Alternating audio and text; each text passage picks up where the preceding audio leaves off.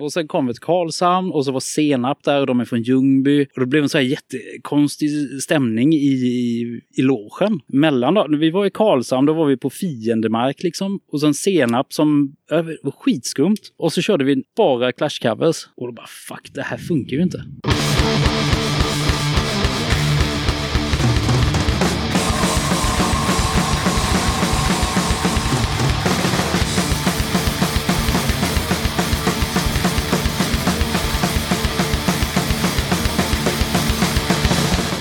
Hallå där! Välkommen till avsnitt 16 av Döda katten Podcast. Det har kommit in en del feedback sedan förra avsnittet, vilket är jävligt kul. Dra gärna ett mejl eller skicka ett meddelande på Facebook eller Instagram. All kontaktinformation hittar du på dödakatten.se.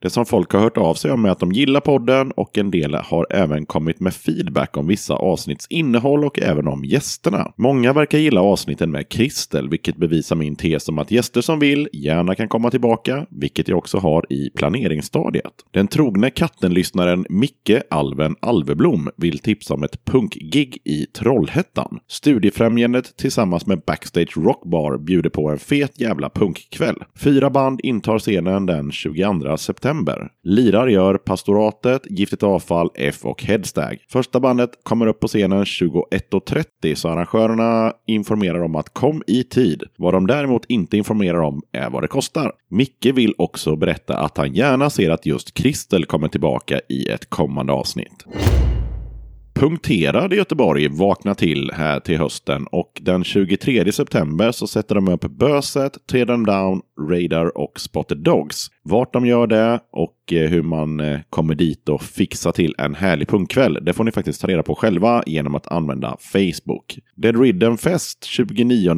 30 september. Det kommer ju bli en jävla skiva med bland annat Doom, Extreme Noise Terror, Protesbank och typ 14 band till från Sverige, Finland, Norge, USA och England. Cyklopen i Stockholm, Högdalen är det som gäller för det arrangemanget. Befinner man sig däremot på västkusten så är det ju läge att att eh, delta i motdemonstrationen mot Nordiska motståndsrörelsen. De har nämligen fått tillstånd att hålla en demonstration den 30 september i Göteborg. Vill man demonstrera emot detta så ses man på Heden klockan 11.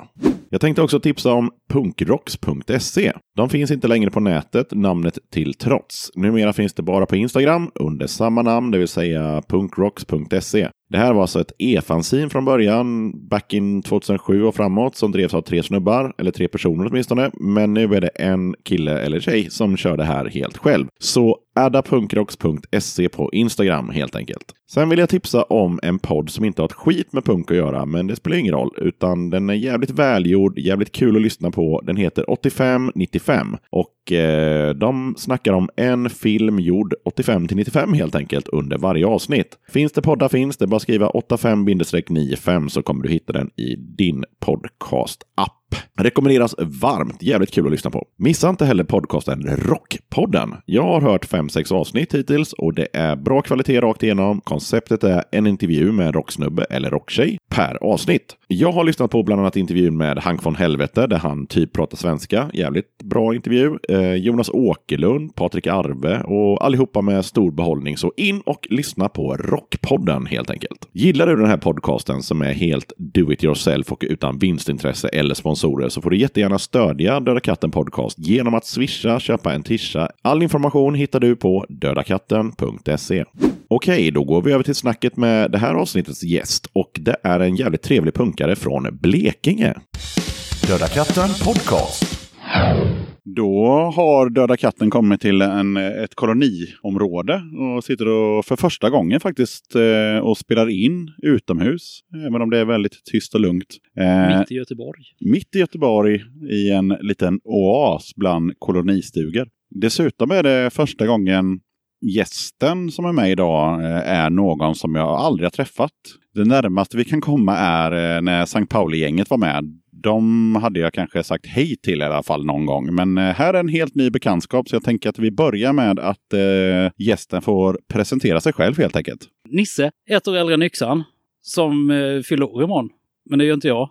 Jag kommer från Karlskrona, bor i Göteborg, har spelat i eh, en del eh, lokala och olokala band. Driver kassettbolaget Skipper Skåne som också var en blogg. Turbojugend-fanzinet, eh, eh ja, Turbojugend-fanzin som också ligger i dvala. Mm. Eller någonting. Jag vet inte riktigt. Det är mycket som eh, händer men inte händer. Och en massa barn, koloni. Ja, dåligt uppkopplad. Håller på Sankt Pauli såklart. That's it. Ja, så att vi får en bra bild här av eh, Nisse kan vi gå igenom lite eh, historia om eh, just band som du varit med i. Även om inte de som lyssnar känner till banden så är det ändå kul att höra vad var det för band, vad gjorde vi i banden och hur gick det Fan, för banden? Det här, det här kan bli, bli hur länge som helst. Då börjar vi med, med, med högstadiet då man var med i ett band per rast. Eh, det var så kreativt i... ja, för fan. Vi hade svinbra musiklärare som eh, varje rast så bara, fan grabbar ni måste repa. Och jävligt mycket punkare och skinheads. Och vi var jävligt dåliga i skolan men vi, vi, eh, vi lärde ju oss det. Gick du till skolan så fick du repa. Men, men det var så här, alla hade inte rast samtidigt. Så fan det, det blev olika konstellationer hela tiden. Eh, den här musikläraren Musse-Mats hette han. Han eh, sponsrade även mitt första band som jag faktiskt inte har eh, tagit upp innan, men de hette Trumpinnarna i röven. Klart de hette. och det, det, var med, med, då var vi tre stycken som egentligen inte kunde spela. Och han bara shit, ni är ju punkare, ni, ni måste spela. Så han fixade så att vi, vi fick eh, replokal.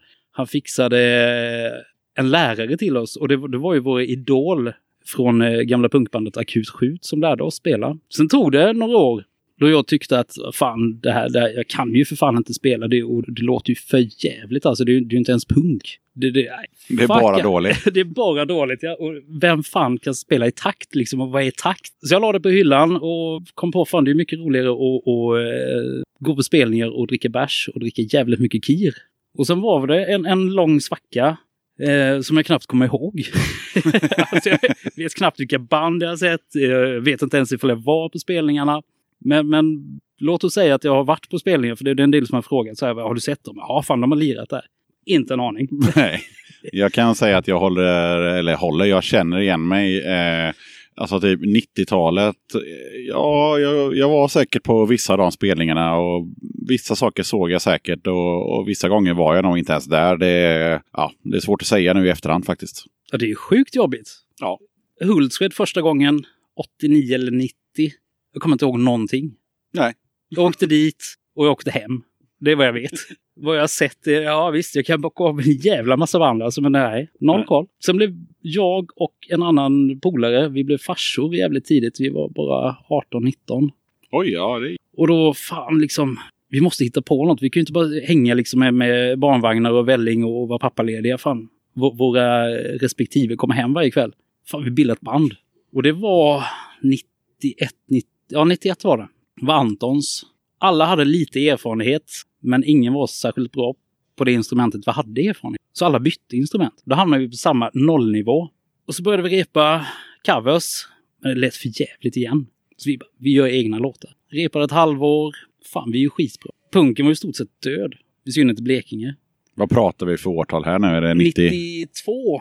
Ja. Okay. Ja. Det var innan det här eh, trallvågen kom. Och... Mm. Men vi liksom, fan, det, det, nu måste det hända grejer. Men ingen vill ju boka oss. Och då bara, fan gör vi nu liksom? Det är skitkul att åka ut och lira. Så det är fan punk, det är ju att göra det själv. Ja, då, åkte, då bokade vi ställen längs med E22. Då blev det Karlshamn, det blev Sölvesborg och så vidare. Mm. Och då körde vi så här skitskön grej att vi hyrde två minibussar som vi fyllde med band. Och sen på varje lokalt ställe så hade vi sagt, ja men ta det bästa punkbandet. Och så får de lira. Och så körde vi, det var Syndikalistiskt ungdomsförbund som, som sponsrade. Så då var de tvungna att ha bokbord och sen så körde vi det här vanliga punkryta och slutet sällskap sålde bärs. Skitkul! Men vi kommer inte ihåg så mycket.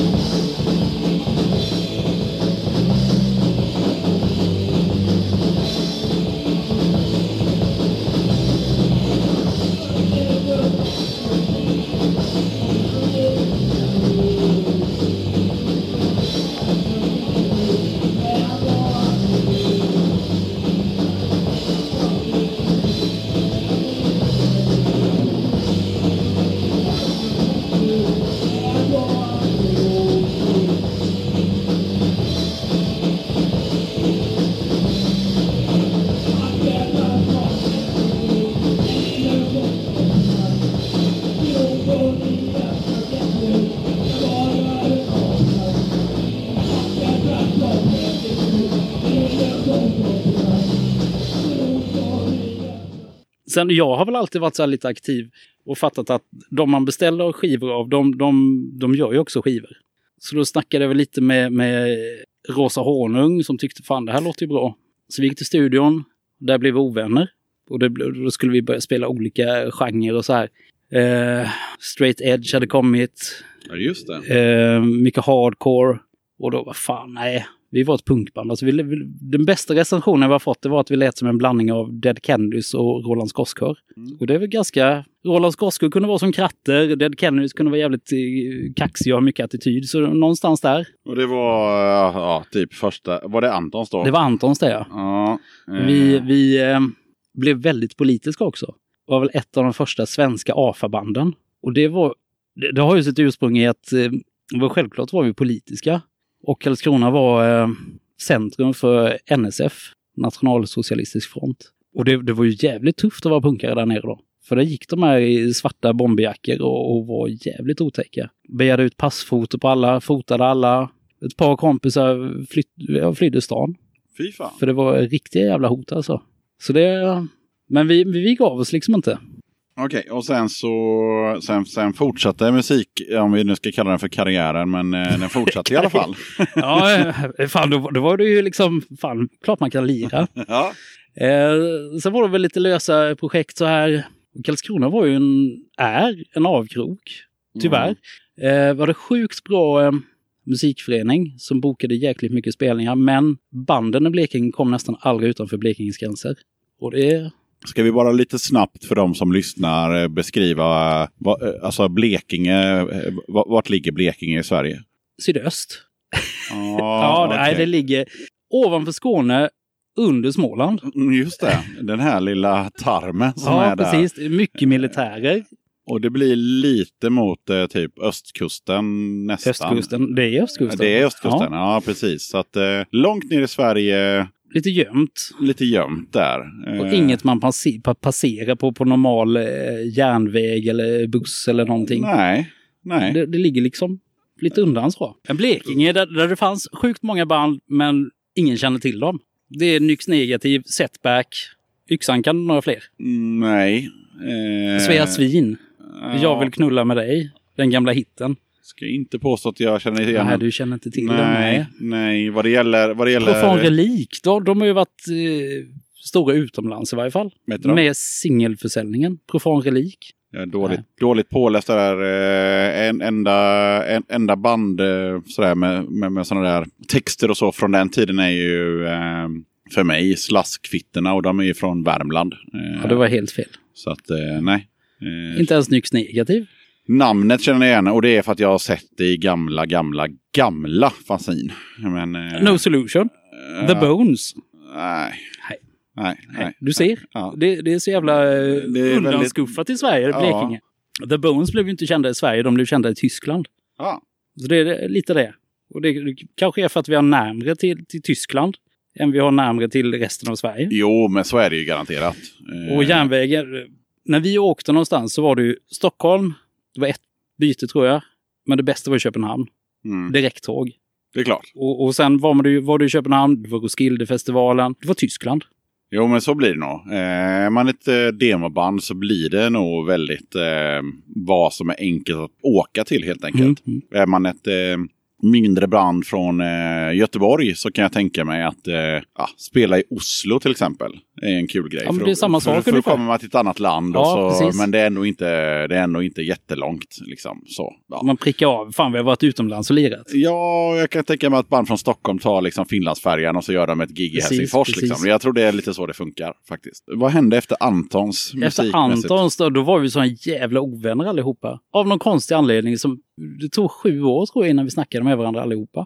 Så det, det var något, någonting som hände. Jag harvade väl i, i lite konstiga streetpunkband som inte var någonting. Men sen kom den här eh, horrorpunk-svängen. Blanda lite Motorhead, blanda lite Misfits. Så då givetvis hette vi något otäckt.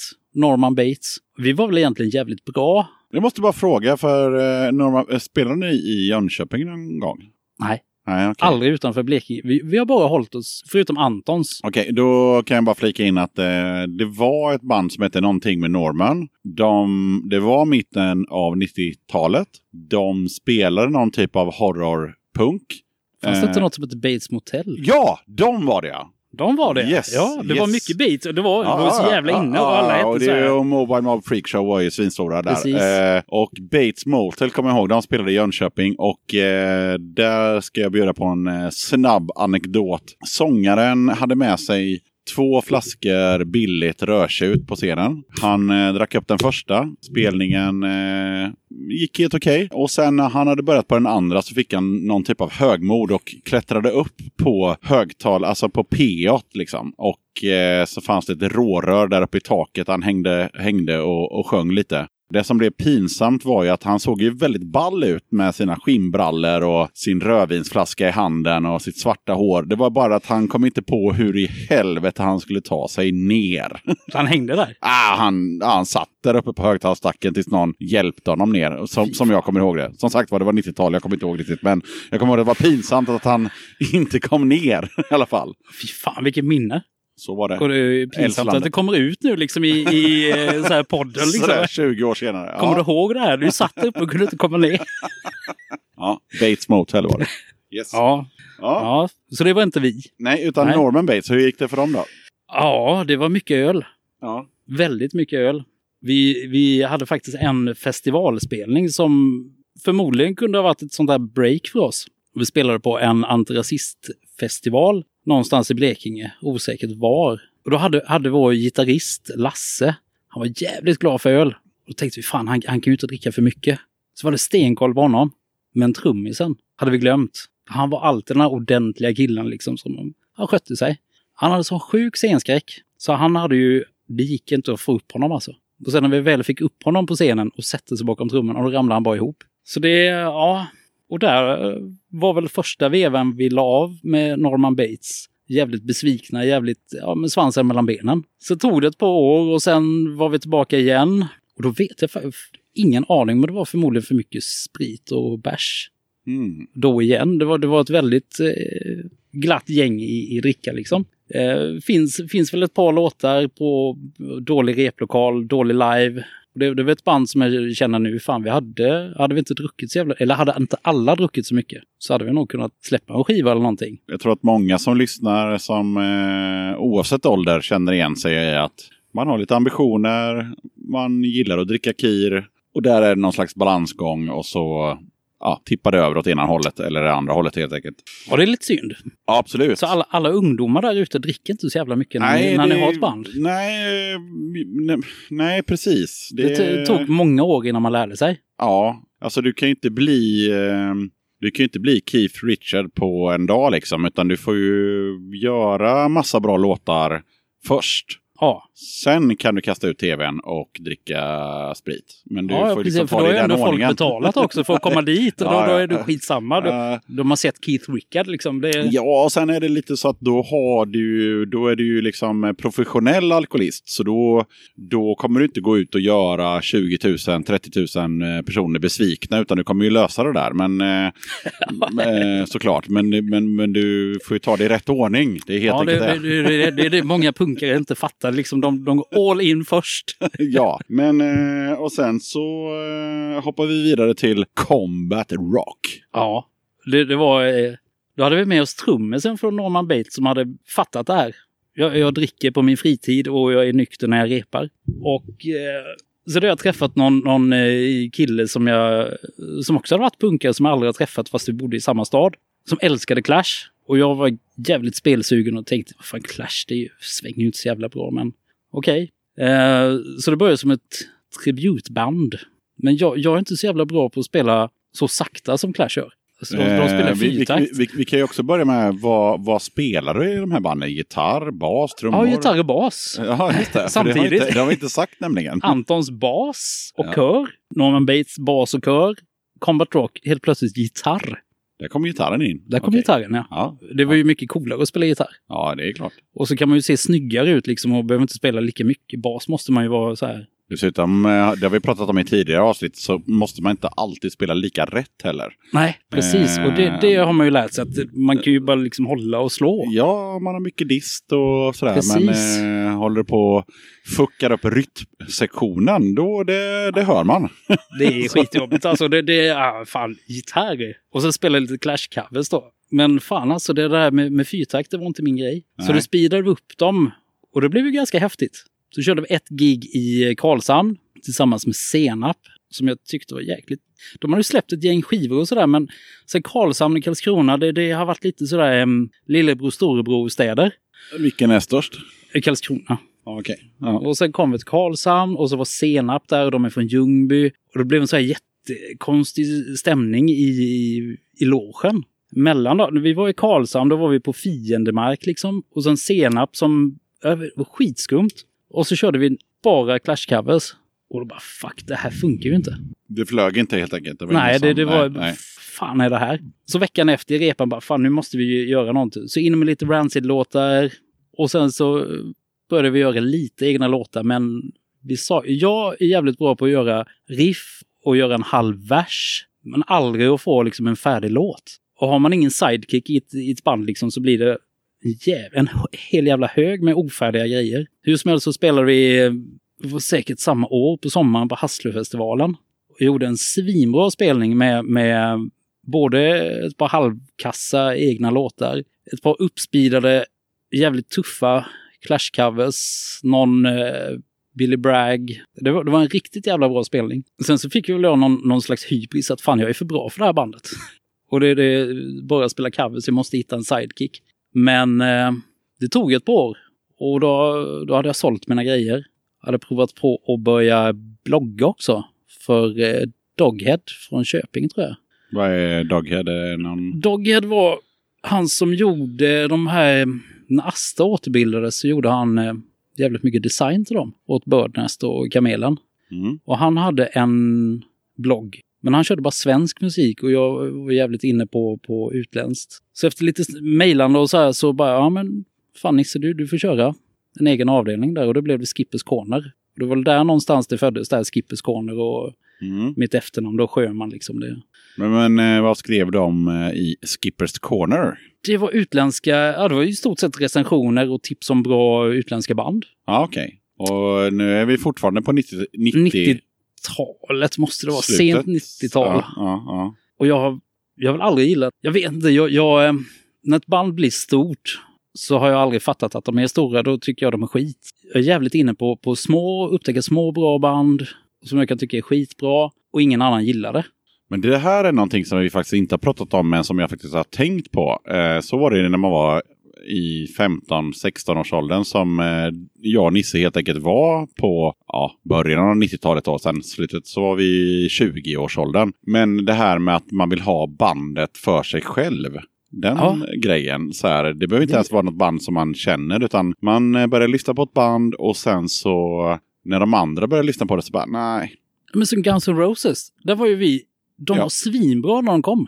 Och då, då såg man det på MTV och första gången tror jag var inne på någon expertaffär och stod och bläddrade på deras lilla utbud på, på vinyl. Bara, Shit, vad fan är det här? Det är ju svinbra. Och så gick det ett par månader och alla gillade Guns N' Roses. Folk började gå i sådana här kläder och fan, nej det här är inte bra. Nej. Vad är det för skit liksom? Nej, det är fan kommersiellt. Bort med det. Nästa gång det händer, det är Nirvana. Du ser videon, också MTV. Svinbra. Det tar en vecka. Så ser varenda jävla snubbe ut så. Och det blir den här jävla grungen och jag bara fuck. Jävla skit. Och då, ja just grungen där vet jag, för då, då var den svenska punken, det var i stort sett Strebers. Och, och då hade jag kontakt med, med Jojo på, eh, vad fan hette det? Det hette Beat Butchers heter det nu. Studio Otukt hette det då. Och då kom jag över någon demokassett med, med Coca-Cola. Och jag bara shit, det här är skitdåligt tycker jag nu. Men det var ändå, fan det är lite, fan gammal svensk punk, lite skramligt och lite, och fan då fick jag ha dem för mig själv ett bra tag innan trallpunken slog igång. Och då Jo. spydde jag åt den också. Jo, men så är det. Och sen, eh, alltså det var ju även så med stora band. Jag kommer ihåg, eh, ja, men som, eh, ja men säg, säg Sisters of Mercy till exempel. Det är ett ganska stort band. Eller Mm. ja, inte så. Ja, men, eh, men de är ga- stort i, många känner till det, är lite kult. Ja, precis. Och så länge jag fick eh, sitta och lyssna på mina kassetter och vad jag nu hade själv så tyckte jag att det var asmäktigt. Men eh, så fort jag märkte att det var flera som... Så började- fort det fanns i skivaffären. Ja, då nej. Så, Nej, det, då, det, det känner jag igen. och, och, och så är det inte idag nu när jag är 40 plus. Om, om du gillar samma band som jag så bara fan vad nice. Jag har Ja. inte, du, jag har inte så här, jag behöver inte ha bandet för mig själv längre. Nej, nu, det är fan mycket roligt att tipsa. Fan, har du hört de här? Ja, ja, ja. För nu är det så jävla många som, som låter likadant. Och fan, köper jag ett gäng okända skivor så visst fan låter det som något som redan finns. Det är jävligt få band som har det här egna som man verkligen letar efter nu. Den där första gången jag hörde Asta Kask, man liksom, det bara gåshud och... Ja, det kan jag säga. Eh, det är en av de få gåshudsupplevelserna som jag dessutom fick då uppleva i efterhand. För det var en, ja, någon gång i början på 90-talet så var jag på Hultsfred. Jag kan inte varit mer än typ 20 bast. Och så eh, kommer jag ihåg att eh, vid utgången från campingen eh, in till området så satt en kille som hade typ en, eh, typ en filt på, på, på backen med lite sjuor. Och eh, jag köpte eh, Ringhals brinner. Kung och fosterland. Kung och foster, ja. Och det var ju bara för eh, omslaget med de här militärhjälmarna och sådär. Eh, ja, och den lyssnade jag ju på då tre, fyra dagar senare när jag kom hem. Och där kom ju chillsen liksom. Att jävla vad det här var eh, mäktigt. Har du inte hört dem innan alltså? Nej, nej, alltså jag var ju 18, 17, 19, whatever, där någonstans. Och eh, hade mest lyssnat på Guns N' Roses och Skid Row och sådär. Hade ju självklart hört Judas och Mötley och sådär, i, i- men, men jag hade inte hört liksom svensk, ja men alltså svensk eh, trallpunk, jag hade inte hört det. Eh, Fast trallpunk, det var ju inte trallpunk då. nej, fast Eller då var det ju kanske Nej, det ja, då, 90-tal. ja, då var det väl bara punk, men, eh, men jag hade inte hört det. Så att, eh, jag, kommer ihåg mycket väl när jag la den här eh, sjuan, eh, den här rödvita sjuan på, på spelaren hemma första gången. Så här. Och den magiska Ja knaster, knaster och sen... Ja, ja det, var, det var helt... Och, där, och sen så, som vi har pratat om i tidigare avsnitt, sen så bara spann det vidare med ja, Strebers och... Det var ju Du hade ju tur som upptäckte det så sent då när det fanns så jävla mycket. Ja, fast I samma genre också. Ja, ja, precis. Fast jag bodde i en liten by i Småland och det fanns inget jävla internet och det fanns inga direkt musikintresserade kompisar eh, förutom en polare och han och jag vi lyssnade på Guns N' Roses. Det var det vi Alltså. gjorde. Så, så den här sjuan eh, på Hultsfred, det var liksom inträdesbiljetten till att försöka Till punken. till punken, ja absolut. Och sen, och sen då försöka bara, men eh, hur får jag tag i mer sån här musik liksom? Det är, ju föreställ dig själv att du står på ditt pojkrum fan. och bara, bara jävlar vad det här är mäktigt. Och sen så bara, men jag vill ha mer sånt där. Vad, vad, hur ska jag göra nu? Det var så svårt. Alltså om man tänker, Ja, hur det- lätt det är nu? Det är ett par knapptryck. För det var som du sa, Liksom- du gick ner till expert. Jag hade ju samma i, i Aneby där jag bodde då, en, en liten by med 5000 människor. Det fanns en eh, radio och tv-affär liksom, som hade, inte fan vet jag, 20-30 skivor. Liksom. Ja, det var något sånt. Ja, Något sånt där. Så man eh, liksom... Eh, Karlskrona hade vi, det var 60 000, eller är, var 60 000 som bor där. Där hade vi Expert, Domus, Tempo, Lens och en skivaffär.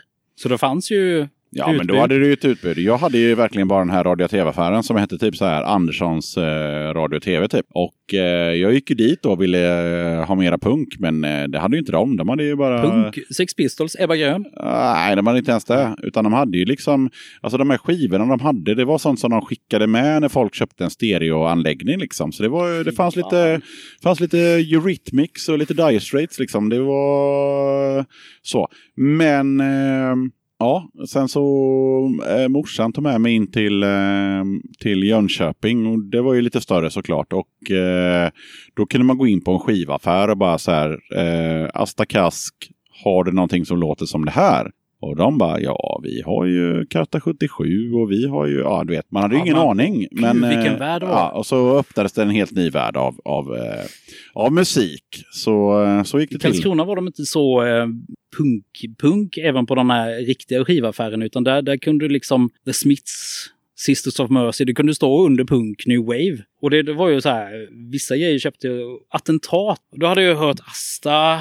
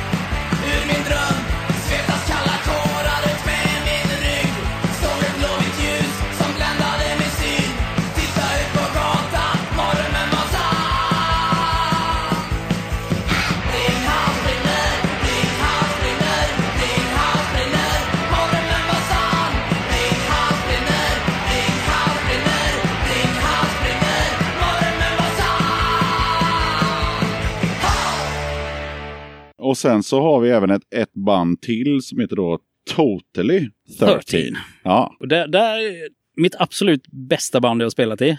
Inte roligast, men bäst musiker. Som jag blev övertalad att gå med i.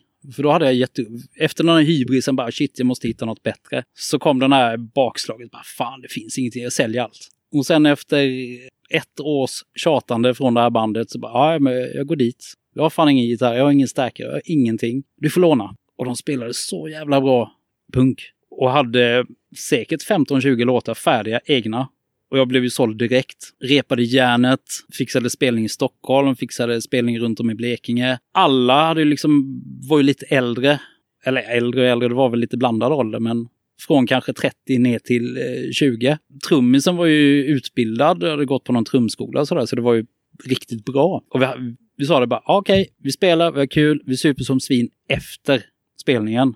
Och så satte vi maxgräns, tre folköl innan spelning. Folk betalar, de vill se någonting. Vi måste fan vara seriösa där. Och bandet, förutom mig då, de, de, de kunde göra jävligt bra musik. Jag vet inte om jag tillförde så mycket, men det var jävligt kul att lira. Men jag hade ett brett kontaktnät, så jag fixade en Tysklandsturné och eh, skivkontrakt med, eh, tror jag, People Like You Records. Vi spelade in en demo, allting var bokat och klart. Då träffade jag eh, ja, min fru i samma veva och gjorde valet. Jag lämnar Karlskrona och jag lämnar bandet. Bandet hittade snabbt en ny gitarrist. Eh, jag hjälpte till liksom så här och no hard feelings. Men eftersom jag lämnade så stod de utan kontaktnät och där föll de. och efter det har du inte haft några band helt enkelt. Efter det, jo, jag var med i en spelning med The Great German Re-Research här i Göteborg på Henriksberg. Med en eh, som var väldigt kaotisk. Eh, med en jävla storm. Eh, jag hade träffat Charlie innan tror jag. Inge som sjöng hade jag träffat någon gång tror jag, men inte resten av bandet. Så det var ingen som, som ringde till mig och, och började tjata att jag skulle ge ut deras kassett. Jag gjorde det och så, så fortsatte han ringa smsa och så bara fan det här bandet är ju ett jävla kollektiv. Kan du lira? Skicka någon inspelning? Ja, fan du ska vara med. Ja visst, fan det är kul att lira. Och det var ju ett jävla konstigt projekt liksom som ingen kan få för sig. Men så var det, de släppte ju den här kassetten och skivan Ligga med invandrare med massa hakkors på. Det var många som satt i halsen och ja, men fan. Charlie är en bra snubbe, Afa, Alriksson är bra, bra folk liksom. Men jävligt många punkare tyckte, satt ju verkligen i halsen. Vad är det här för något? Ja, jag tänkte ta upp det lite snabbt. Ni som inte känner till Great German Re-Research. Re-Research, ja precis. Ehm, det var ju ett band som eh, musikaliskt har jag väl inte hört så jättemycket, men eh, just det där, det ligger med invandrare, tårar och sådär. Eh, och, och, och, och hakkorsen och så, alltså det var ju... Det var ju jävligt punk 77. Ja, och sen var det ju liksom att eh, alltså det blev så mycket ironi på ironin så att folk var, hade svårt att liksom... Förstå ironin. Ja, för det blev liksom ett varv extra liksom på något sätt. Med singeln så var, låg det ju alltså en goodiebag också. De var eh, numrerade i, jag vet inte hur många ex, i blod. Det var, I vissa var det med en kanyl, det var limpåse, det var you name it. Det var liksom Ja, fuck off. så det...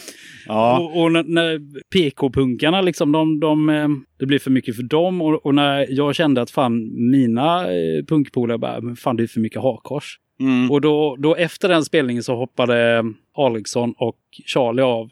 Och jag lämnade också för det blev sån jävla kaos. Sen var alla skitfulla. Ja, ja, men det är, ja, det är också jobbigt Och det slutade i något så här kladdigt chokladmassa i hela Henriksberg med eh, tio besökare typ. Ja, Ja, men det var en kul grej. det var en kul grej. Jag, jag gillar grejen eh, som sådan, och jag, men jag förstår också att det var svårt för många att förstå den här postironi, ironi, ironi-grejen. Så att, eh, ja, men eh, ja. Ja, Ni, ni- ni får ut har du skivan? Eh, jag har någon skiva så... Jag har en kassett du kan få. Den är limiterad i 88x. Oh, såklart att den är. Eh, den, den tar jag gärna emot. Eh, Men... men, inte. Nu kom du av ja, nej, ja, nej, men jag tänker på eh, just att ge ut kassetter. Hur kom du på den idén? Liksom, för det var väl ändå på, du, nu snackar vi väl ändå 2000-tal liksom? Ja, precis. Ja. Varför ska man vara digital? Eh, ja varför Alltså ska jag man var, vara- jag var ju analog från början. Sen kom det digitala och jag bara wow, nu kan jag sälja skiten. Hela min skivsamling får ju plats på, på ett par DVD-skivor. Hela jävla nätet typ, man laddar ner skiten. Och sen bara, vad fan håller jag på med? Du konsumerar liksom som en jävla köp och sälj och bara lyssnar tio sekunder och skit, det där var bra, wow, coolt, nu har jag den här gamla inspelningen. Och det, jag kände det, fan det är som konsumtion. Och just kassetter, av allt jag liksom haft i skivor och gjort mig av med så har jag ångrat det, men jag har alltid behållit kassetter. Och då blev det sådär, fan, så jävla gör jag kassetter? Mm.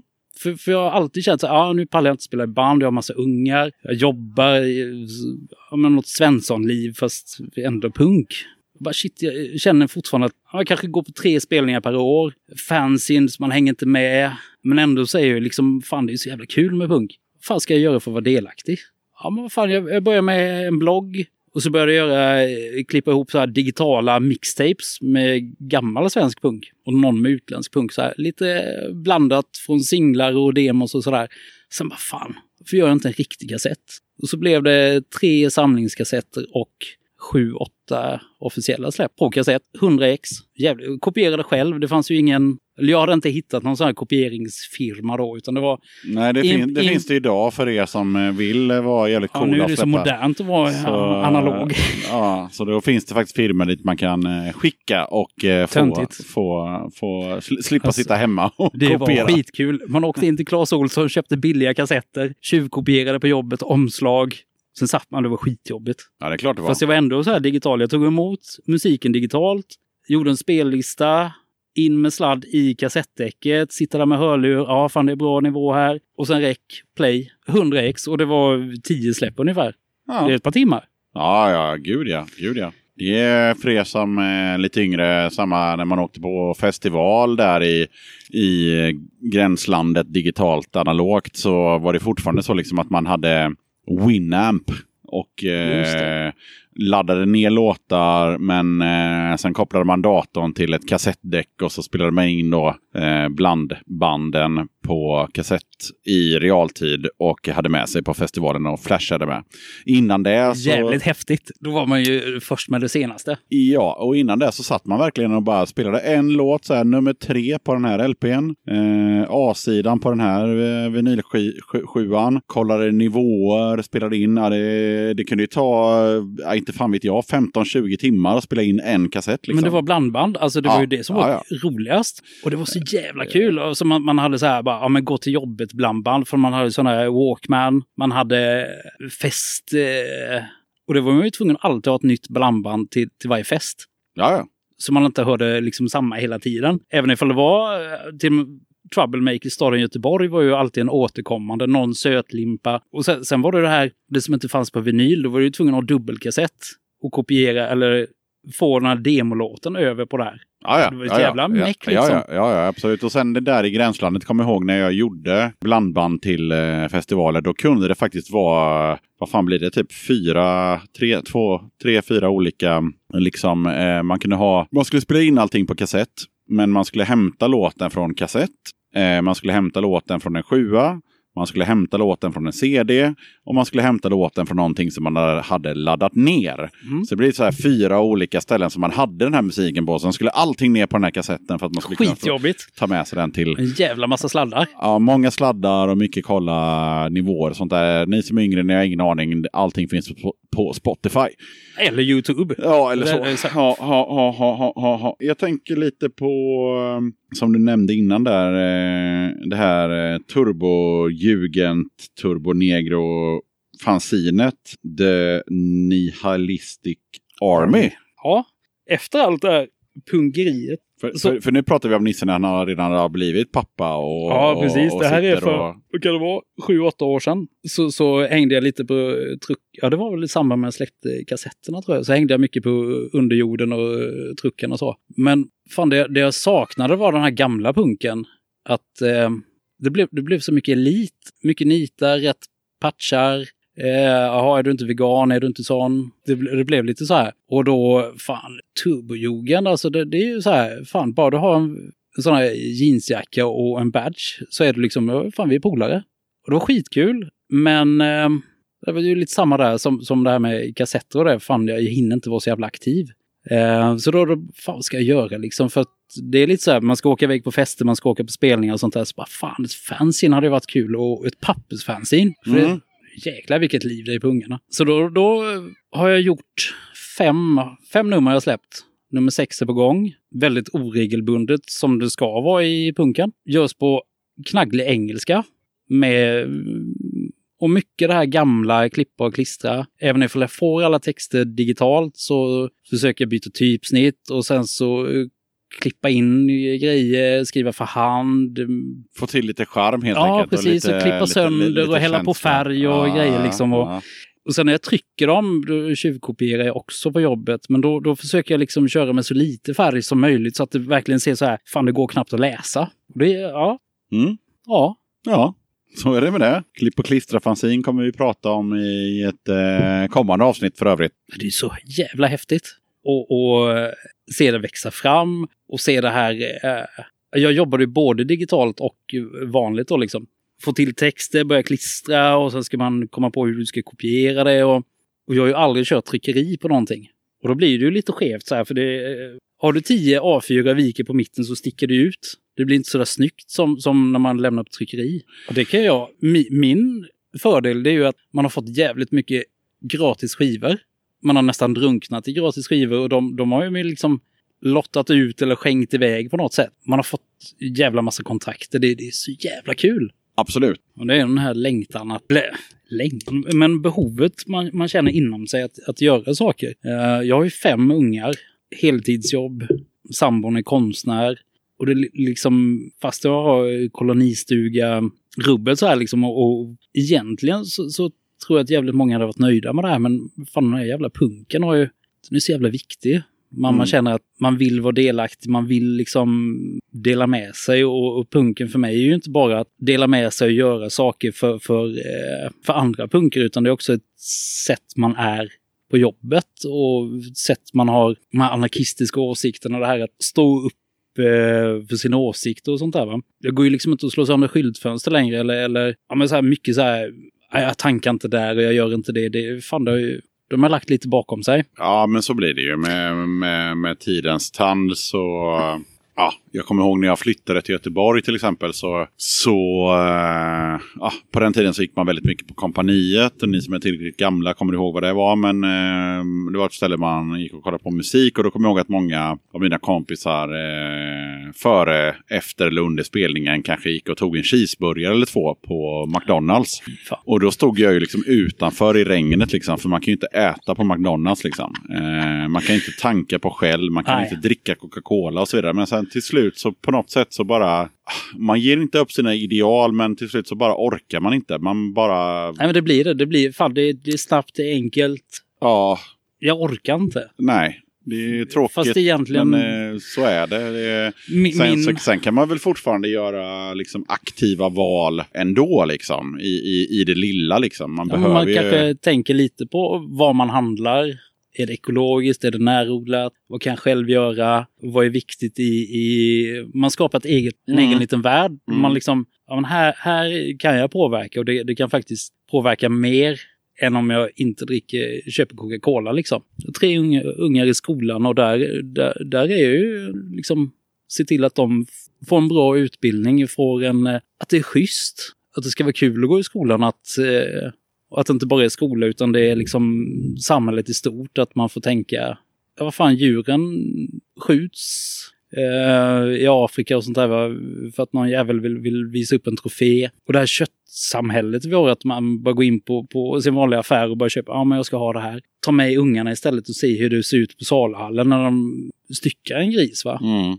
Att man tänker, det där är ett djur som är mm. jävligt gulligt. Som man hör, ja men det kanske inte det är.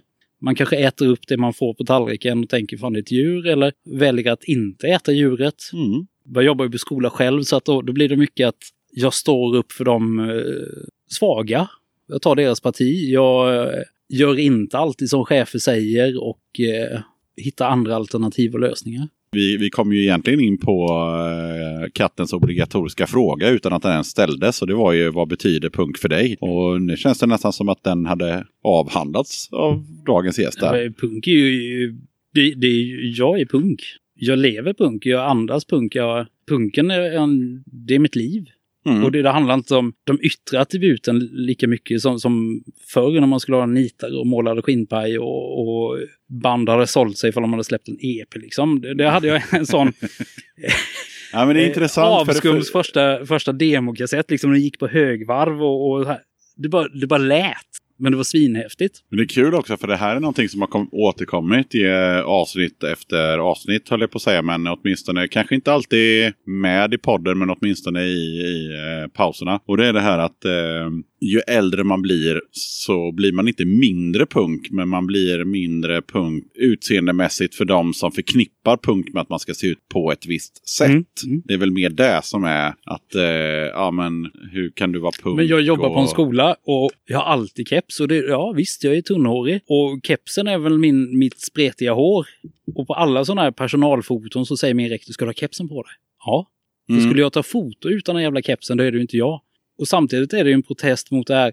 Ska vi ha burkar? Ska vi tillåta det? Ska eleverna ha keps eller inte? Ja, det är inte det som är det viktiga. Det viktiga är att man är det man är. Men det brukar jag tänka på när jag sitter på vagnen. För ni som lyssnar vet ju inte riktigt hur jag ser ut. För på alla bilder som är med i podden så är det ju alltid bilder på gästerna och ingen bild på mig. Men jag har en frisyr som man nog inte skulle kanske koppla ihop med punk på något Ser ut som en sätt. raggare liksom.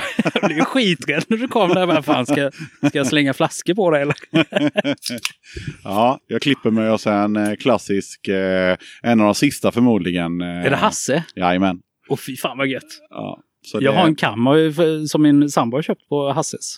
Eller på någon mässa. Ja, nej, jag klipper mig hos en kille som, eh, ja, det, det är nog... Hasses på Hisingen. Hasse på Hisingen. Hasse Klippare. Hasse Klippare. Nu får han massa gratis Det får han. Där eh, klipper sig bara killar. Där klipper man sig bara på drop-in. Och eh, sitter det två personer före dig då får du sitta och vänta i en och en halv timme. Det är liksom som att tiden... Säl, säljer han kondomer också? Ah, det vet jag inte, men det är ändå, det är ändå intressant. Eller intressant, men det är ändå, liksom, det är ändå nog en av de sista liksom, när man har den här Herrfrisör. herrfrisören som är så jävla herrfrisör som det bara kan bli. Liksom. Han, ja. kör med, han kör lite med saxen och så kör han med rakmaskin. Ja. Och sen förmodar jag att, eh, vad fan heter det, rakkniven kommer Ja. fram. Ja, rakkniven kommer alltid fram. När man är färdigklippt så, så tar han fram en eh, riktig rakkniv liksom och rakar runt öronen och polisonger och nacke. Och, Nacken, och, och, sånt sen där. lite lukta gott i nacken. Jajamän, ja ja. Det är så, det är så jävla Så gött. det, det här låter ju som eh, science fiction för många som lyssnar förmodligen. Men det, det finns eh, några sådana. Men man får en jävligt snygg för- raggarfrisyr. Ja, det, det Och får man. Är, det är så skönt och det är billigt också. Ja, det är helt prisvärt absolut. Eh, och dessutom är det så med sådana farbröder. Han har ju redan gått i pension. Han klipper bara för att han tycker att det är kul. Jag tror, han har ju öppet måndag till onsdag bara. Eh, Han klipper bara en frisyr i stort sett också. ja, i stort sett. Eh, så kan man ju faktiskt säga. Eh, men eh, mm. Kort i nacken, kort vid sidorna och lite uppåt bakåt. Ja, och sen vart har du benen och, och Ja. så. Så har man rätt ut det så, så klipper man. Men eh, sen är det också så att eh, man kan vara borta. Man kanske inte klipper sig där på ett år. Men han vet exakt hur det ska vara när man kommer tillbaka. det är så härligt. Ja, ja. så lite så här, nu börjar vi romantisera lite om sådär. Jag gick till, när jag hade hår så gick jag till eh, den andra Hasse på, på Linnégatan. den. Mm. Mm. Är det höger eller vänster? frågade han. Mm. Och det var liksom, ja men då, då kom man inte riktigt ihåg. Var det åt höger eller var det åt vänster man skulle kamma? Men det var uppåt, bakåt, kort på sidorna, kort i nacken och rakkniven. Och så berättade han sina konstiga historier, liksom när han gick lärling och skar Mm. någon i läppen. Och, Mm. Mm. för förr i tiden så rakade ju han även folk, eller män. En, en kul grej jag kan berätta, det, det en gång när jag satt där så eh, kom ju faktiskt en kvinna in. Varpå han slog bakut. Nej, nej, nej, stopp! Det är bara män här! Och sprang bort och motade ut henne. Ja, det kan jag säga det gör inte Hasse. Men han förklarar bara på ett väldigt artigt sätt att det här är en herrfrisör. Ja. Men det är lite tiden har stått stilla på de här salongerna. Det, det kunde varit 50-tal, 60-tal, 70-tal eller... Och det, det är så jävla häftigt. För att runda av just eh, det här som vi, sidospåret som vi kom in på med, med herrfrisörer så är det så att eh, när man går till eh, en sån kille eh, så det blir inte den här eh, tillgjorda hur är läget, hur är det på jobbet och sådär utan det blir bara massa anekdoter och stories. Kanske fotboll också. Ah, det, ja, ja, men För det är alltså ofta guys eller Blåvitt. Ja, såklart. Och sen berättar Hasse gärna att han eh, håller på alla Göteborgslag. Så diplomatisk är Alltså, han. ja, Jajamän. den andra Hasse höll på Blåvitt. Fast han har ju årskort på Häcken. Men eh, ja. Och så vidare och så vidare. Eh. De är så, de är så jävla sköna de gubbarna. Jo, jag hade ju i min research här lite om att eh, dagens gäst var drivande när Asta Kass gav sig ut på hemturnén. Ni som kommer ihåg den. På vilket sätt var du drivande? Nej, jag var ju inte drivande bakom turnén. Nej. Men det var ju jäkligt häftigt, liksom Asta Kask en gång till. För jag var inte så gammal när de eh, la av. Då var jag 13, skulle gå på deras avskedsspelning i Karlskrona, men var supersjuk. Så det blev inget av med det. Däremot hade jag träffat dem året innan i Karlskrona på stan. Jävligt... Eh, de såg jävligt läskiga ut men var jävligt roliga. Så när den här hemturnén kom så bara shit vad coolt. Och jag och Micke Blomqvist har haft lite sporadisk här, genom åren. Och då berättar ju han att eh, Rosa Honung har registrerat namnet Asta Kask. Och eh, det blir någon rättslig process. De har hamnat på Bör... Nej, vad heter de? Burning Heart Mm. som skulle släppa någon samling som de, eftersom de i sin tur ägs lite av eh, det amerikanska... Ja, Just det. Som fick kalla fötter, Mm. domstolsprocess och sånt där. Tänkte jag, vad fan, vad, vad jävla punk det här var. då. Att man köper ett namn och säger att det är sitt. Så då, då blev det så här, så, så kan man ju inte göra. Asta har betytt hur jävla mycket som helst för den svenska punkscenen och även ute i världen. Eh, så då började väl jag liksom, fan, det var på den här tiden MySpace var stort och var kanalen liksom. Så då, då blev det så här kommando AK. Och det var ju jäkligt lätt att adda folk och sådär. Men det var, det var ju, jag tror det var Accident som skrev någon eh, manifest liksom. Som jag bara kopierade, började skicka ut. Och sen eh, kom jag på den här grejen liksom Who owns your name? Eh, som också blev t-shirt-tryck och vi drog väl in eh, lite stålar liksom. Tanken var väl att vi skulle dra in stålar för en rättegångskostnad genom att sälja patches och, och eh, pins och så här. Men allting drog ju ut på tiden och det var samtidigt som ungdomshuset i eh, Köpenhamn blev, eh, som det revs. Och då blev det ju liksom så här supporta dem också. Så det gick väl en del stålar dit och sen blev det lite omkostnader så här för att driva eh, hemsida, allting. Så i det stora hela så tror jag inte vi drog in några pengar alls. Men eh, det blev liksom ett så här världsomspännande eh, engagemang med, med avdelningar i eh, både Sydamerika och Japan. Ja. Med folk som supportade. Och... Men sen hur det gick med det hela, det, det vet fan alltså. Asta, Asta finns kvar Ja. och, och Hämnden blev liksom ett bestående nytt band liksom.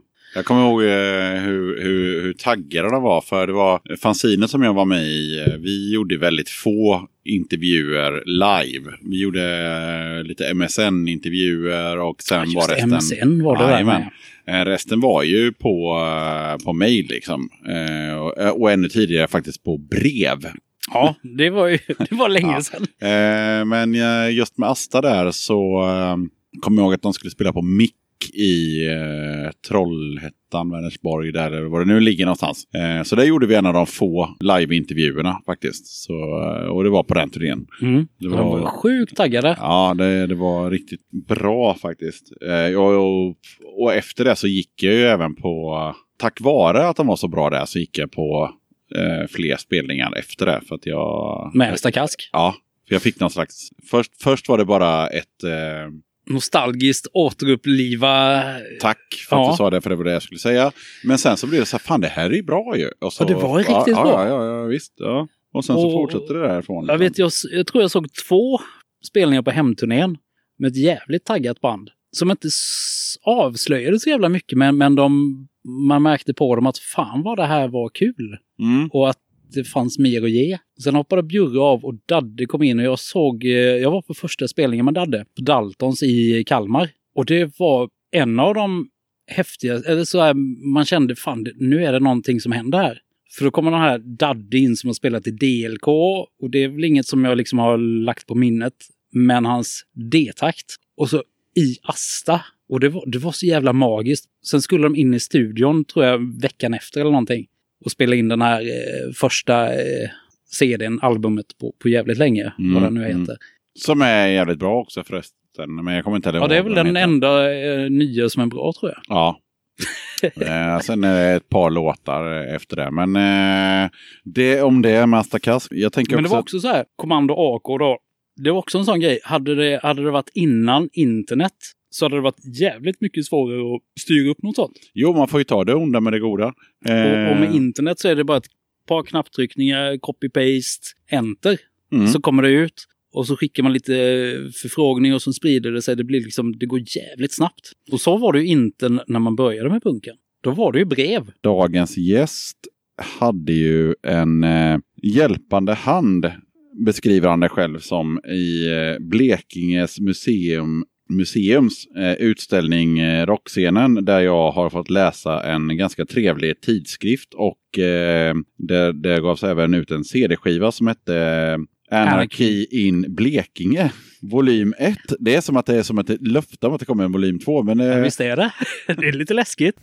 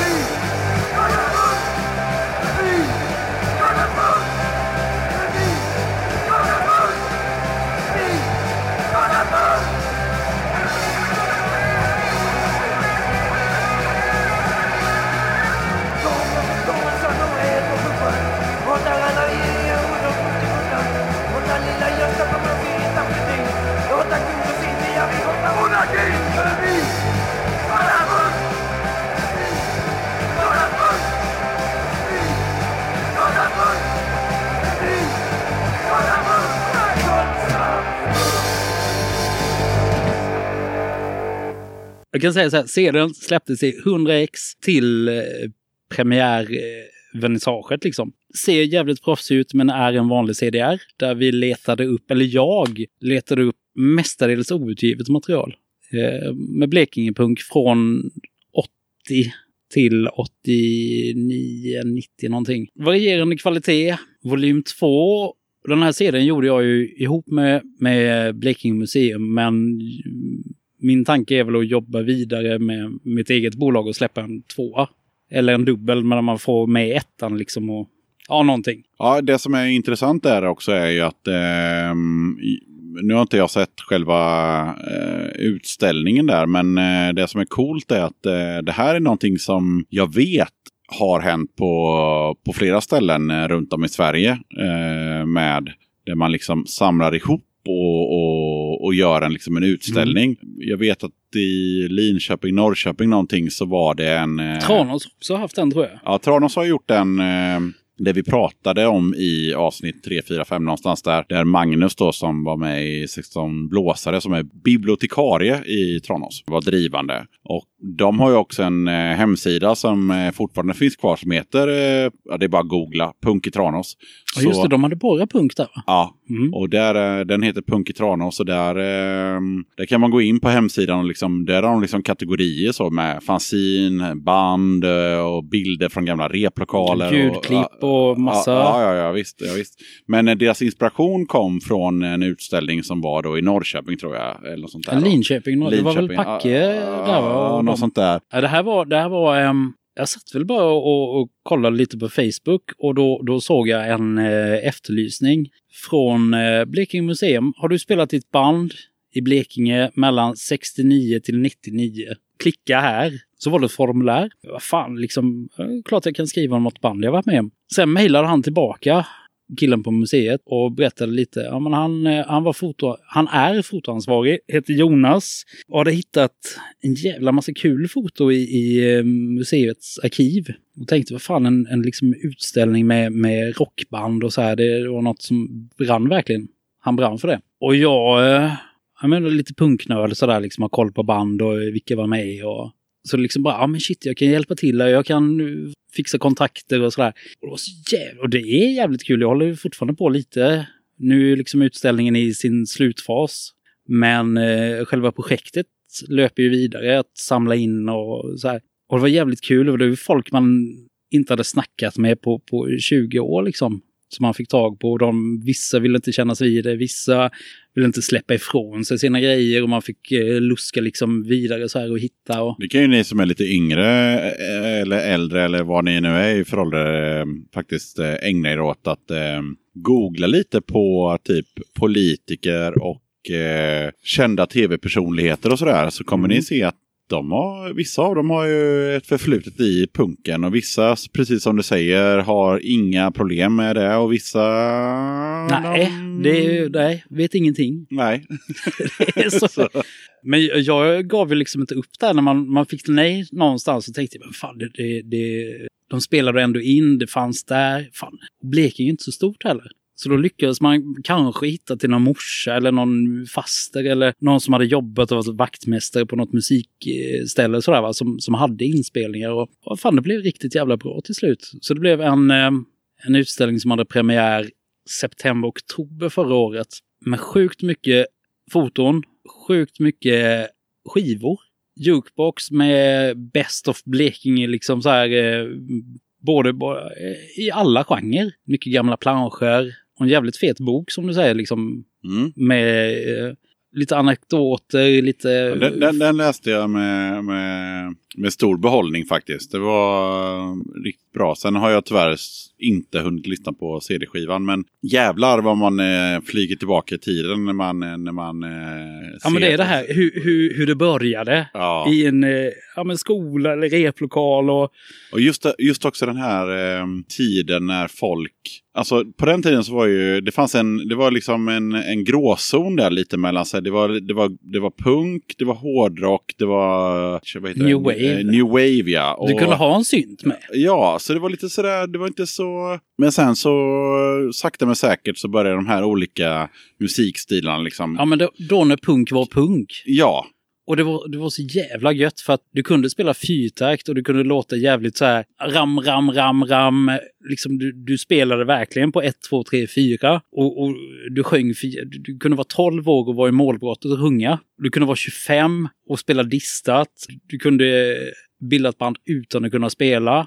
Sen, men sen var det också så här på bandfoton, eh, även då i lite större tidningar, så var det så här. Det var väldigt svårt att avgöra. Är det här ett hårdrocksband eller är det ett syntband? Alltså kolla bara på typ så här tidiga Black Uniforms. Är det så här, är det, är det glam? Är det glam? är, det, är det punk? Är det, nej. Är det hårdrock? Är det alltså, hårdrock? Alltså, Vad håller de på med? Skitsvårt. Och liksom all, alla såg ut som typ Christer Sandelin fast med nitar på något sätt. Alltså, ja, men Judas väldigt... Priest eh, versus eh, Style. Ja. Du, du hade liksom antingen svart eller blonderat hår. Du hade någon skinn jacka med lite nitar eller ja. fransar. Ja.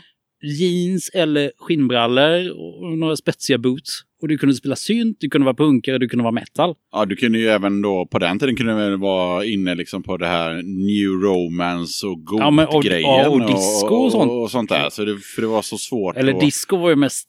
Tjejerna var lätta på disco. De ja. hade alltid permanentat lockigt hår. Ja, och sen så några år senare så hade killarna permanentat lockigt hår och ja, kajal. Så det, det, var svårt på den tiden. Eh, jag hade också kajal, fast inte lockigt hår. Eh, jag hade också kajal och inte heller lockigt hår.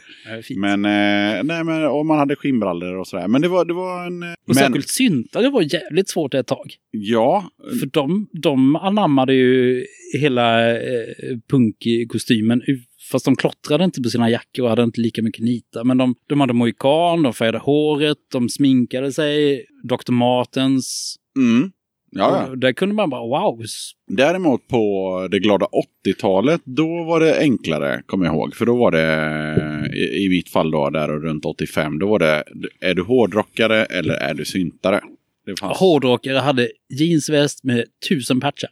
och då var det så här, Men då var ju punkarna så, så, så här, inte ut som punkarna idag. nej, nej. De kunde ha en gammal arméjacka, Ja, antingen kamouflage eller grön, och, och ofta jeans med strumpan utanpå, kommer du ihåg det? mm, Snowjoggings eller några andra gympadojor. mm. Behövde inte ha klottrat någonting, men någon pin eller något och lite halvflötigt hår liksom. Det var, Eller täckjacka på vintern var ju också jävligt populärt. Ja, ja. Det var, ju, det var ju bara de tuffa som hade skinnjacka. De riktigt så här, wow, det där är en punkare. Men, men den stora massan var ju täckjackepunkare också och militärjackepunkare. På min... Men nu blir yxan helt bara, nej. Nej, Så var det inte alls. Nej, fast jag, nej, nu tänker jag ju liksom på... När det här jag var på när- 80-talet. Ja, det var på, när jag tänker på, på 90-talet var det så här. Grunge. Det var, jag frös ju väldigt mycket eftersom eh, man fick inte stänga skinnjackan. Nej. så, så man hade... Du fattar vad mycket sådana skador man får nu när man blir äldre. Liksom, aj, aj ont i ryggen, aj, Ja, ont i knäna. Ja, nej, det var... det skulle var, vara trasigt på knäna Ja. och inte stänga skinnjackan. Ja, Och alltid t-shirt. Och alltid t-shirt, ja. Och bar i halsen var man också.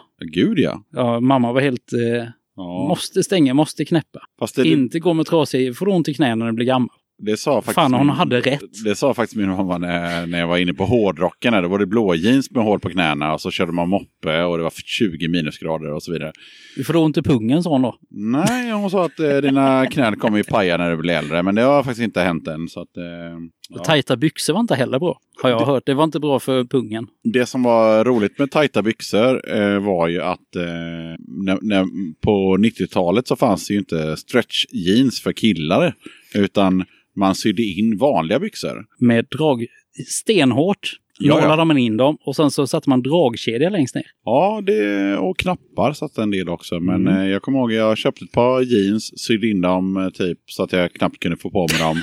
Åkte till Roskilde, eh, det spöregnade, de krympte på mig så jag var tvungen att klippa upp dem typ till knäna för att få av mig dem. Och, Vi hade dragkedja. Jävligt bra. Döda katten podcast. Jag passar på att hoppa in här lite snabbt för att berätta att du har möjlighet att stötta Döda katten om du tycker att det jag gör är bra och att du vill höra fler avsnitt.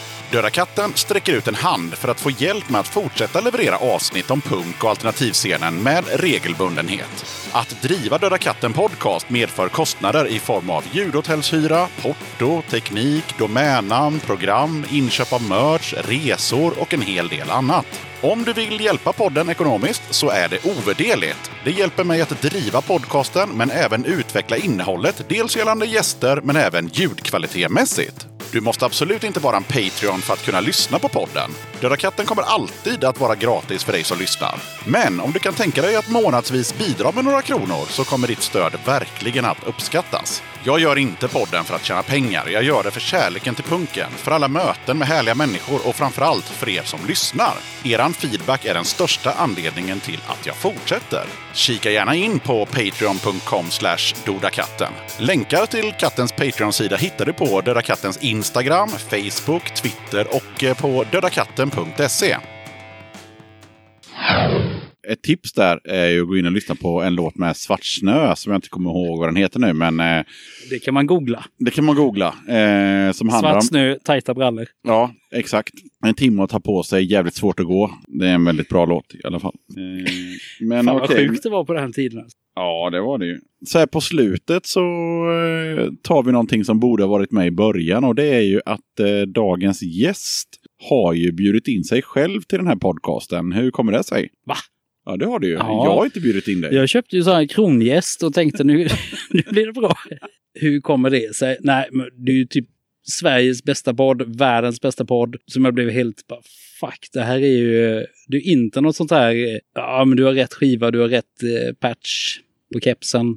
Det här är, det är fan skitgött. Sen i, eh, under Gothia Cup så, så kom Löken från eh, Rövsvett hit och vi hade så jävla gött samtal. Så där, satt och, ja men som när två gamla gubbar möts och eh, som inte har setts på hundra år. Och så så är det den här jävla punken som liksom bara pang, där har vi någonting att snacka om.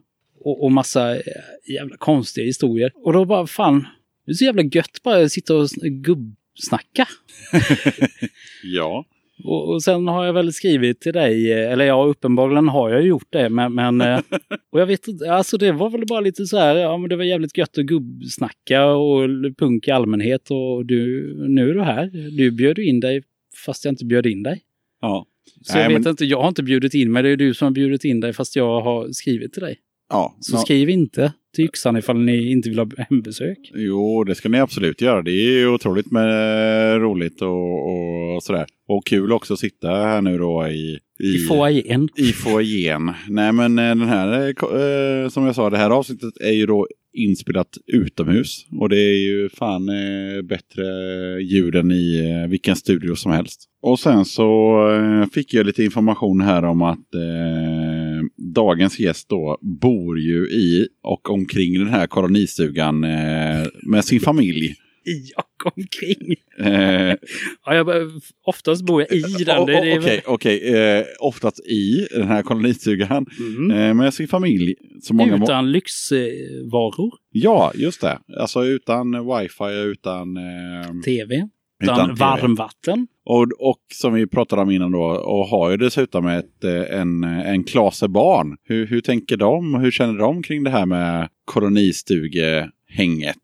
Först var de små och sånt så mycket. Sen, sen blev de större och sa fan nu missar vi det här eh, serien på Bolibompa. Och det var mest det här, följa serier på Bolibompa. Nu är det ingenting. Liksom shit vad gött vi ska flytta upp där. För, för, Det- ni, det är så för, ni, för jag tänker så här, ni bor väl ändå någon annanstans? Eh, Ja, i- vi bor i Nässjö vanligtvis. Nej, det gör ni inte. Vi bor i Linné Ja. vanligtvis. Ja, men ni bor i, I en liksom- vanlig lägenhet med eh, wifi, tv, varmvatten, Ja. egen dusch, Ja, och då tänker jag så här, hur, hur, hur tycker barnen där när, när man kommer hit då till den här pittoreska miljön? de tycker det är störthäftigt. Mm. Från liksom bo i en lägenhet där du måste öppna, du måste klä på dig, du måste öppna en dörr, du måste ta dig genom ett trapphus och kanske ut på en gård i bästa fall. För att hitta någon att leka med eller ha någon liten gård att leka på. Och då kanske ungarna kan göra det själva men i storstäder så är det så här bara, ja men det är parklek, man måste få med sig föräldrarna, gå till någon så här plikt eller någonting. Eller så har man en kompis över gatan, vågar man släppa ungarna? Hur stora är de? Men här öppnar de ytterdörren, är det kallt? Okej, jag tar på mig en tröja till. Inga bilar, de bara sticker ut. Massa kompisar i området. Ja men alltså att, att den här, eh, både, både Yxon och jag är ju sådär gamla så att det fanns barnprogram en kvart om dagen. Ja, vi satt ju och man- väntade på att se det tecknade efter eh, Lilla Sportspegeln på lördagar. typ, det var, Om det var dåligt väder, för var det bra väder valde man att vara ute. Och det är jävligt gött att se sina egna ungar som under sex månader är som de flesta ungar. Sitter med skärmar och eh, uppkopplade som då under sex månader knappt är uppkopplade. För att vi kan bara mobil, eller så dela via eh, mobilen. Vi har en dator och vi har samma DVD-skivor år ut och år in. Som är det, liksom, ja men nu är de inte kul längre. Och får dem liksom att, vad fan vi spelar kort, man sitter och pratar, man läser böcker och just samtalet som man, man, man får med sina barn och sin familj och även grannarna. Att, att lägenheter kan det vara lite så här, man, man känner knappt sin granne. Här är det ju självklart att gå över till grannen och fråga om någonting. Kan ni passa barnen? Har ni en eh, insektsnyckel? Har ni en, eh, ja liksom verktyg, mjöl? Det är skitgött. Det är back to basic. Sen Ja. odlar vi, vi odlar ju jävligt mycket ätbart. mm, När vi flyttade hit så var det bara så här eh, blommor och grejer. Men min sambo som, som kommer från här bondefamilj. Eller vad heter det? Moonshine, eh, moonshiners? Såna, jaha. månskensbönder. Just det! Ja, det, det känner du till. Ja, Ja, samma. jo, jag Ja, kommer men så här, från som, en har, familj. som, som har vanligt på jobb och sen är de bönder på fritiden. Ja. Så blev det så här, bara, ah, fan man kan gräva upp här och odla. Och, säga, min, min sambo, hon, hade hon spelat trumma hade hon varit grym på D-takt. Nu är hon grym på eh, double digging. Det är liksom man gräver två gånger. Mm, mm, mm. Mm. Skumma grejer. Ehm, Men sen, sen liksom, vad fan. Vi, vi odlar ekologiskt, man går ut och drar upp sin jävla morot, käkar, vi har bönor, potatis, vi har massa eh, växter. Man ser liksom det levande djur. Vi har haft en älg som har sprungit här genom kolonin och det är mitt i Göteborg. Vi har rådjur, vi har haft eh, i området räv.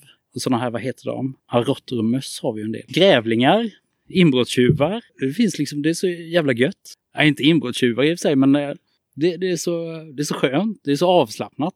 Och när, och när, när jag har semester, eller när vi har semester, så är man ju inte så noga med att, den här eh, vanliga man måste duscha en gång om dagen, man måste vara fräsch, man måste tvätta sina kläder. Utan vad fan, här, här går man lite skitig och drar en morot och knaprar lite och jävla... Det är skönt. Det låter lite hippie. Ja, det är lite hippie alltså. Men det, det är jävligt punk också. Man går här och lallar och så behöver man inga, inga behov, liksom så här, inga måsten och Nu eh, har ju programledaren inga mer frågor till eh, dagens gäst, förutom... Eh, det blir för mycket där med, med det hippie-odlandet. Nej, absolut inte. Men eh, däremot så tänkte jag att eh, vi ändå ska ha ett bra, eh, bra slut här. Jag fick en förhandsinformation om att jag håller på Sankt Pauli givetvis. Ja, Vadå givetvis? eh, finns det något annat att hålla på? Finns ju typ Alltså- säkert tusen jävla fotbollslag. Ja, precis. Tusen jävla fotbollslag. Hur många har en dödskalle? Hur många har så härliga fans? Hur många... Ja, de har ingen... Det finns ju i och för sig fördelar eller nackdelar med Sankt Pauli det är väl att de inte har några bra... Eh, så mycket bra ramser. Och det går inte så bra för dem heller. Bra och bra, det är ju det som är spännande. Ja, Jag menar, håll- hålla på- for, for the record så håller ju yxan också på Sankt Pauli såklart. Alltså, håll på något jävla Zlatan-lag liksom, där det bara är en massa jävla diver och, och eh, högbetalda eller och, fan. Sitt Och och kolla på Sankt Pauli och ta en bärs och ja, förlorar de oavgjort. Wow, de vann! Såklart. Eh, och sen så tänker jag att vi avslutar med att eh, lite så här ordet fritt eh, grejen. Har vi några, vi, utan har du några tips på ja, band som du tycker de som lyssnar ska kolla upp eller whatever? Fan, det var ju en svår fråga. Ja, det måste inte vara band, men det kan vara vad fan som helst. Någonting som du tänker så här, fan det här har ju inte folk kollat upp. Kolla upp det här. Kolla upp det här. Eller band eller skivor eller kanske någonting Blekinge-anslutet. Jag vet inte. Ja, men ja, Blekinge. Alltså som Yxan sa så, så är ju Blekinge så här lite bortglömt utanför. Är det Sverige eller är det någon, någon öststat, liksom granne till Polen som, som ingen känner till och har åkt igenom. Nyx Negativ har jag nämnt, men det finns sjukt mycket bra band. Hur fan ska man hitta dem? Det, det, jag tror jag får återkomma här. Jag skulle ju kunna göra så att jag lägger upp lite på någon eh, sida och så får yxan länka. Det tror jag är det jag kan eh, bjuda på sådär. Annars är det, det, det jag ser fram emot denna veckan, det är eh, lördagen och hänga med, med Sankt Pauli i Göteborg och kolla på nästa match. The Dogs från eh, Norge släpper en ny digital singel där de gör en cover på Eurythmics Thorn In My, In My Side. Så det kan bli jävligt cool tror jag. Men inga andra gigs så till hösten? Gigs, alltså jag lyssnar ju på, på den här fenomenala podcasten och får lite gigtips och så tänkte fan där ska jag gå. Det... Mm. Men sen kommer jag inte så mycket längre. Men det, det lyssna på Döda katten. Det kan man göra, absolut. Och sen så tänker jag så här, experttips från eh, dagens gäst. Hur är det och liksom när man ändå har en familj och fem barn var det va? Fem barn. Fem barn. Hur eh, liksom pusslar man ihop det med jobb och, och ändå försöka eh, göra någonting kreativt, punkigt vid sidan om. Eller sidan om, men samtidigt. Liksom. Men välj bort tvn, välj bort, eh, välj bort sån här jävla personlig träning och skit liksom. Fan, stå och svettas alltså, på ett jävla gym. det, det här liksom. var en, all, det här var en allvarligt menad fråga, för jag har inga barn. Eh, jag har ju bara ett jobb och, eh, Spela i band och en podd. och eh, spela i band och har en podd och, och en fru. Jag har ingen fru, och men en jag, sambo. men jag får ju liksom knappt ihop det. Den, den här podcasten spelades in på ja, de få timmarna som jag lyckades liksom klämma in i, i mitt jävla Ja. liv. Ja, men ungarna går ju i skolan så här åtta till fyra. Och, och, eller halv fem någonting. Där jobbar jag också. Sen är hem, fixa käk, hänga med ungarna, natta dem. Och sen har du ju det där liksom, ska vi kolla på film? Ska vi kolla på tv? Vad fan ska vi göra? Liksom, ska du springa och, och träna då eh, för att du ska vara jävligt snygg? Eller för att det är någon hype att du ska vara vältränad och, leva längre? Eller, Ja, fan, men- fa fuck det liksom. Vad fan, gör något som, som kanske glädjer andra. Eller det är där jag lägger min tid och det är därför det är så jävla svårt med komma ut på spelningar också. För det, om det är det här, de börjar ofta när jag nattar barn. Eller, eh, och sen väljer väl jag, fan familjen är jävligt viktig också. Eller den är, den är sjukt, sjukt viktig, men fan punken är också viktig. Och punken som jag försöker väva in i allt har ju liksom, förutom den här platsen i vardagen, så, så känner jag att fan jag vill vara delaktig. Och sen, sen är det det här, fan gå på spelningar, det är skitkul, men det tar ju mycket tid. Och, och då, då har väl jag valt det här att ja, men lyssna, leta, skriva, göra, göra någonting istället. Just- Du är säkert på mer spel. Du är ju på mer spelning än vad jag är till Ja, exempel. fast inte så jävla mycket mer. Och I avsnitt som kommer ut innan det här avsnittet så pratar vi just om det där med, med scenen och, och allt det där. Att det, ja, det är inte så jävla lätt alla gånger att, att vara delaktig. Utan man får försöka vara delaktig på det sättet man kan. Liksom. Mm. Ju... Sen, visst, man kan, man kan, du kan, när jag flyttade till Göteborg, då var det så här bara shit, det är ju spelningar fem dagar i veckan. I stort sett. Ja, Kanske inte eh, så här eh, do it yourself skrammelpunk eh, utan profit. Men du, du kan all, nästan alltid kan du hitta en, en bra spelning att gå på. mm. fem dagar i veckan. Och då gick vi på jävligt mycket spelningar. Men sen blir man liksom lite avtrubbad. Vad fan, nej men det är skitsamma.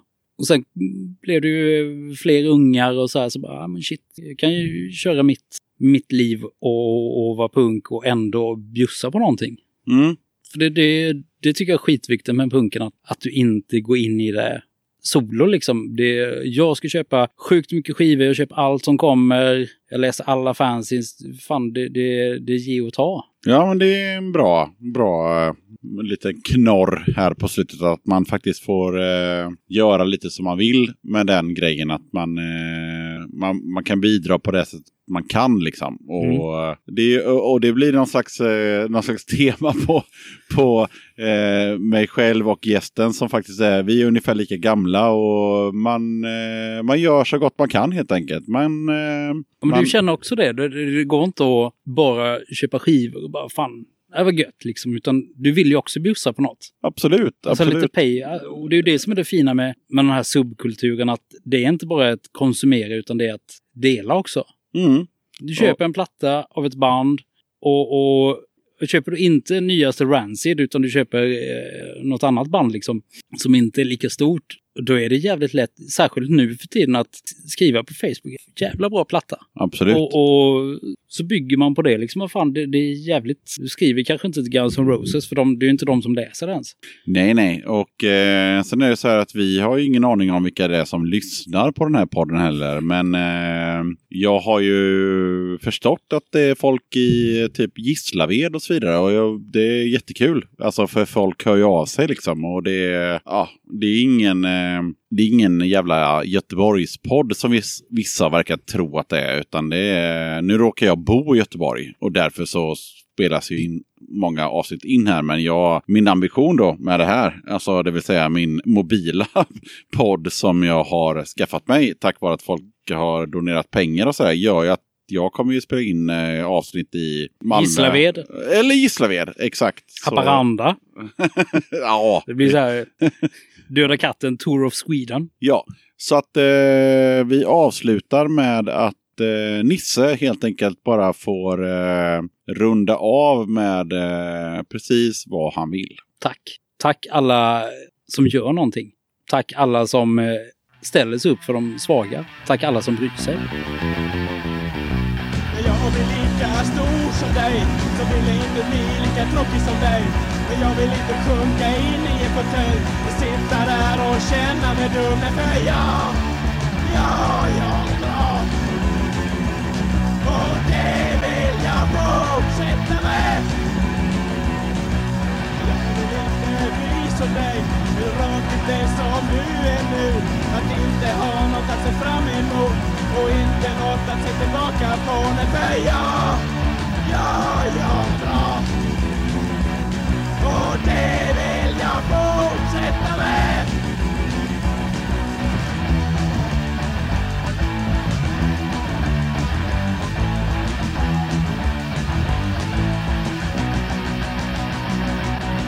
Jag vill inte ha det som dig. Att jobba hela livet mellan åtta och fem. Och titta på klockan är den är fem. På med rocken är nog skönast än henne för jag, ja, jag mår bra.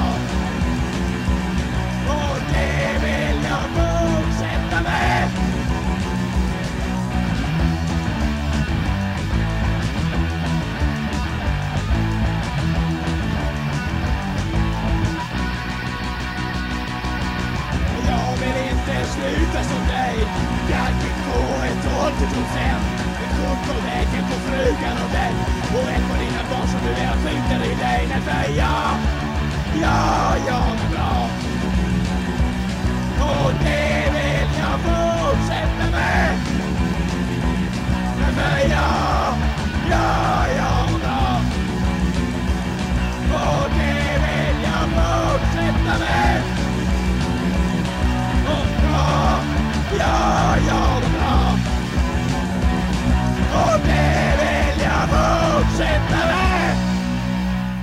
Musiken vi hörde i dagens avsnitt var Antons Snus och dus, Asta Kask, Ringhals brinner, Nyx negativ, Karlshamns punks, Piss mekum, Jag mår bra. Tack för att du lyssnade på det här avsnittet av Döda katten Podcast. Du som lyssnar får gärna höra av dig via Facebook eller skicka ett mejl till dodakatten.gmail.com. Skriv feedback, tips om gig och band eller vad du vill att kommande avsnitt ska handla om. Vill du vara gäst i podden så är det lika bra att du drar iväg ett mejl till dodakatten.gmail.com så ska vi se vad vi kan göra. Vill du att ditt band ska spelas i den här podcasten, då är det bara att mejla över en mp3 till nyss nämnda e-postadress. Så kommer jag kika på det och spela upp det i ett kommande avsnitt. Skriv gärna med lite information om bandet också. Okej, det var allt för den här gången. Ha det bäst så hörs vi snart igen.